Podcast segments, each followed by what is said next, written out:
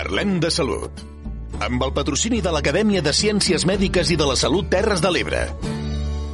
Efectivament, una setmana més nosaltres uh, parlem de salut eh, i ho fem uh, per anunciar la xerrada que tindrà lloc aquesta setmana i tindrà lloc en dimecres, insisteixo molt perquè ja, ja saben que habitualment les xerrades que organitza l'Acadèmia de Ciències Mèdiques i la Salut de les Terres de l'Ebre se celebren en dijous. Aquesta setmana canviem de dia, serà aquest dimecres 1 de febrer a partir de les 6 de la tarda i en aquest cas al campus Terres de l'Ebre de la Universitat Rovira i Virgili. És una xerrada que que porta per títol L'osteoporosi, una malaltia silent i catastròfica i anirà a càrrec d'Anna Pàmies. Ella és metgessa especialista en reumatologia de l'Hospital de Tortosa Verge de la Cinta i tenim eh, l'oportunitat de saludar-la. Doctora, molt bona tarda. Hola, bona tarda, bona tarda. Gràcies per estar amb nosaltres. El títol de la xerrada és Una malaltia silent i catastròfica. Eh, realment, aquest adjectiu de catastròfica eh, ens pot fer, portar a pensar que segurament és, eh, és més greu o pot arribar a ser més greu eh, d'allò que ens pensem a, a primera vista? Doncs sí, pot ser, pot ser molt greu, eh, perquè la conseqüència de l'osteoporosi són les fractures, les fractures per fragilitat, no? quan un os es trenca doncs, amb un impacte molt petit, que quasi que no hi ha cop, o és un cop molt mínim, per exemple, no? estan de peu, caure a terra, o agafant un pes molt petit es pot trencar un os, i sobretot s'ha vist més en les fractures de maluc, en les fractures de cadera, que l'impacte que tenen les persones que el pateixen doncs, pot, pot ser molt greu, no? Des de mortalitat degut a complicacions de la fractura, però també, sobretot, molta discapacitat, no?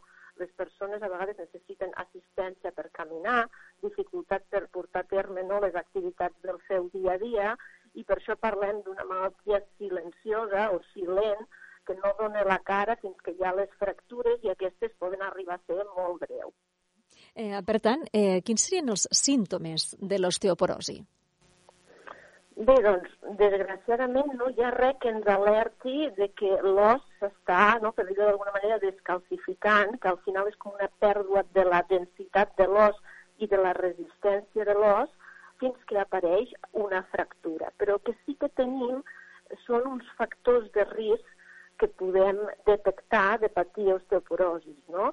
Hi ha alguns que no podem canviar, que són sobretot l'edat que tenim, les persones més grans mm -hmm. tenen més osteoporosis, sobretot persones més grans de 65 anys, els antecedents familiars, per exemple, si la mare ha tingut osteoporosis o ha tingut una fractura de maluc, i l'edat en què les dones han perdut la regla, en què ha iniciat la menopausa, això no ho podem canviar, però sí que hi ha coses que podem canviar doncs com per exemple la dieta, l'estil de vida, l'exercici, evitar el tabac, evitar l'alcohol, que tot això també té un impacte en la calcificació de l'os.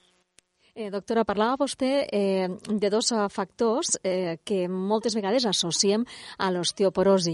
Eh, dones i una determinada edat. És un binomi eh, que ens porta a pensar moltes vegades en l'osteoporosi. Eh, realment, la major part de casos es donen en, eh, en dones i hi ha una determinada edat?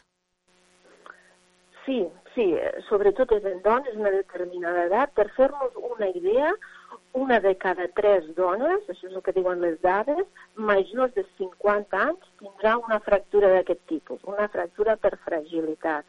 I en homes, també són dades importants, encara que no tant, un de cada cinc homes més grans de 60 anys durant la resta de la vida.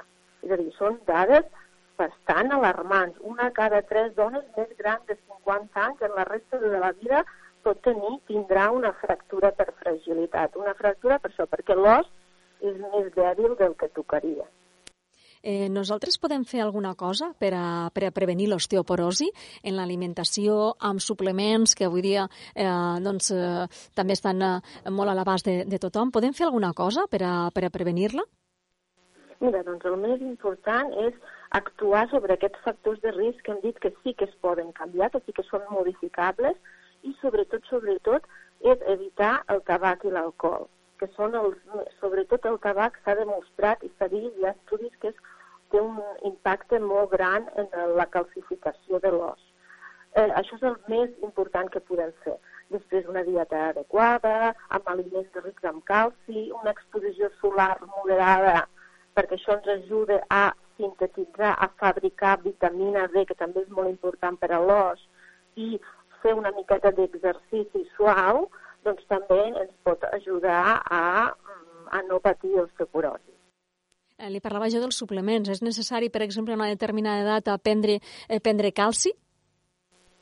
Si fem tot això, una dieta adequada i evitem els tòxics, d'entrada no és recomanable per a tothom, per a la població general. Després ja han d'entrar a individualitzar cas per cas i veure els factors de risc d'aquella persona i veure si és necessari fer un estudi per a prevenció primària. Això vol dir per buscar les persones que tenen factors de risc de tenir una primera fractura, que no s'han trencat mai, i estudiar-los per veure si és necessari fer algun tipus de prevenció. Eh, doctora, fractura ho ha explicat molt bé abans, però m'agradaria insistir-hi, fractura sense necessitat de patir una caiguda molt gran, no? Exacte, exacte.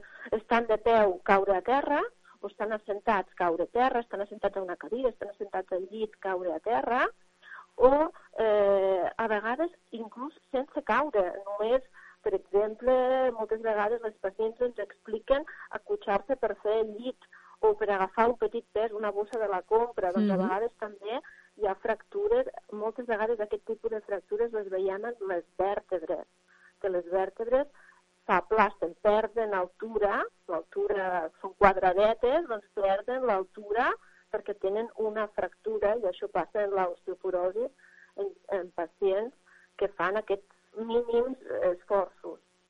Eh, hem parlat eh, dels eh, símptomes, hem parlat de la prevenció, però un cop una persona és diagnosticada d'osteoporosi, eh, quins són, eh, el, bé, què es pot fer d'alguna manera? Quines són les recomanacions o, o quina és la prescripció facultativa que se li dona?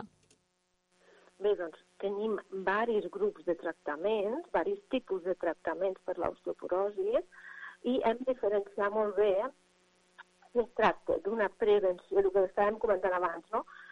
Donarem uns tractaments o uns altres, si es tracta de prevenció primària per evitar una primera fractura o si es tracta d'una prevenció secundària, és a dir, una persona que ja s'ha trencat i volem evitar que torni a aparèixer una altra fractura, no? Per exemple, una persona que s'ha trencat el maluc, la cadera, no? És molt important fer un tractament potent, aquí tenim tractaments, per exemple, injectables, per evitar que es trenqui un altre os d'aquestes característiques, no un altre os important, l'altre maluc, una vèrtebra, l'ombro... Per tant, és diferent el tractament que fem quan volem evitar una primera fractura que en pacients que ja han patit eh, fractures per fragilitat prèvies. Eh, doctor, alguna cosa més que volia afegir de cara a aquesta xerrada que tindrà lloc aquest dimecres, torno a insistir, dimecres 1 de febrer a partir de les 6 de la tarda? Bé, doncs també comentar que a l'hospital estem creant la unitat d'osteoporosis, que és una unitat multidisciplinar en el que també participen els geriatres, els doctors de medicina interna i també ens deriven pacients als traumatòlegs, els metges de rehabilitació i els companys d'atenció primària per intentar doncs, fer una millor control i una millor tractament dels pacients que ja han patit fractures, aquesta prevenció secundària que estàvem dient abans. Bé, doncs és una bona notícia la posada en marxa d'aquesta unitat que no sé si ja funciona o funcionarà en, eh, en poc temps. Ja funciona, ja funciona. Bé, doncs, eh, doctora, moltíssimes gràcies per explicar-nos també aquesta important novetat, aquesta unitat d'osteoporosi que es posa en marxa a l'Hospital de Tortosa, Verge de la Cinta. Eh, insisteixo, la xerrada aquest dimecres, l'osteoporosi, una malaltia silent i catastròfica. Segur que han quedat moltíssimes eh, preguntes per a fer. Els emplacem, eh, per tant, a poder assistir a aquest, a, aquest dimecres a partir de les 6 de la tarda al campus Terres de l'Ebre de la Universitat de Rovira i Virgili a, a aquesta xerrada que organitza l'Acadèmia de Ciències Mèdiques i de la Salut. Doctora Anna Pàmies, moltíssimes gràcies per estar amb nosaltres. Fins la pròxima. Molt bé, moltes gràcies. Espai ofert per l'Acadèmia en Ciències Mèdiques i de la Salut Terres de l'Ebre.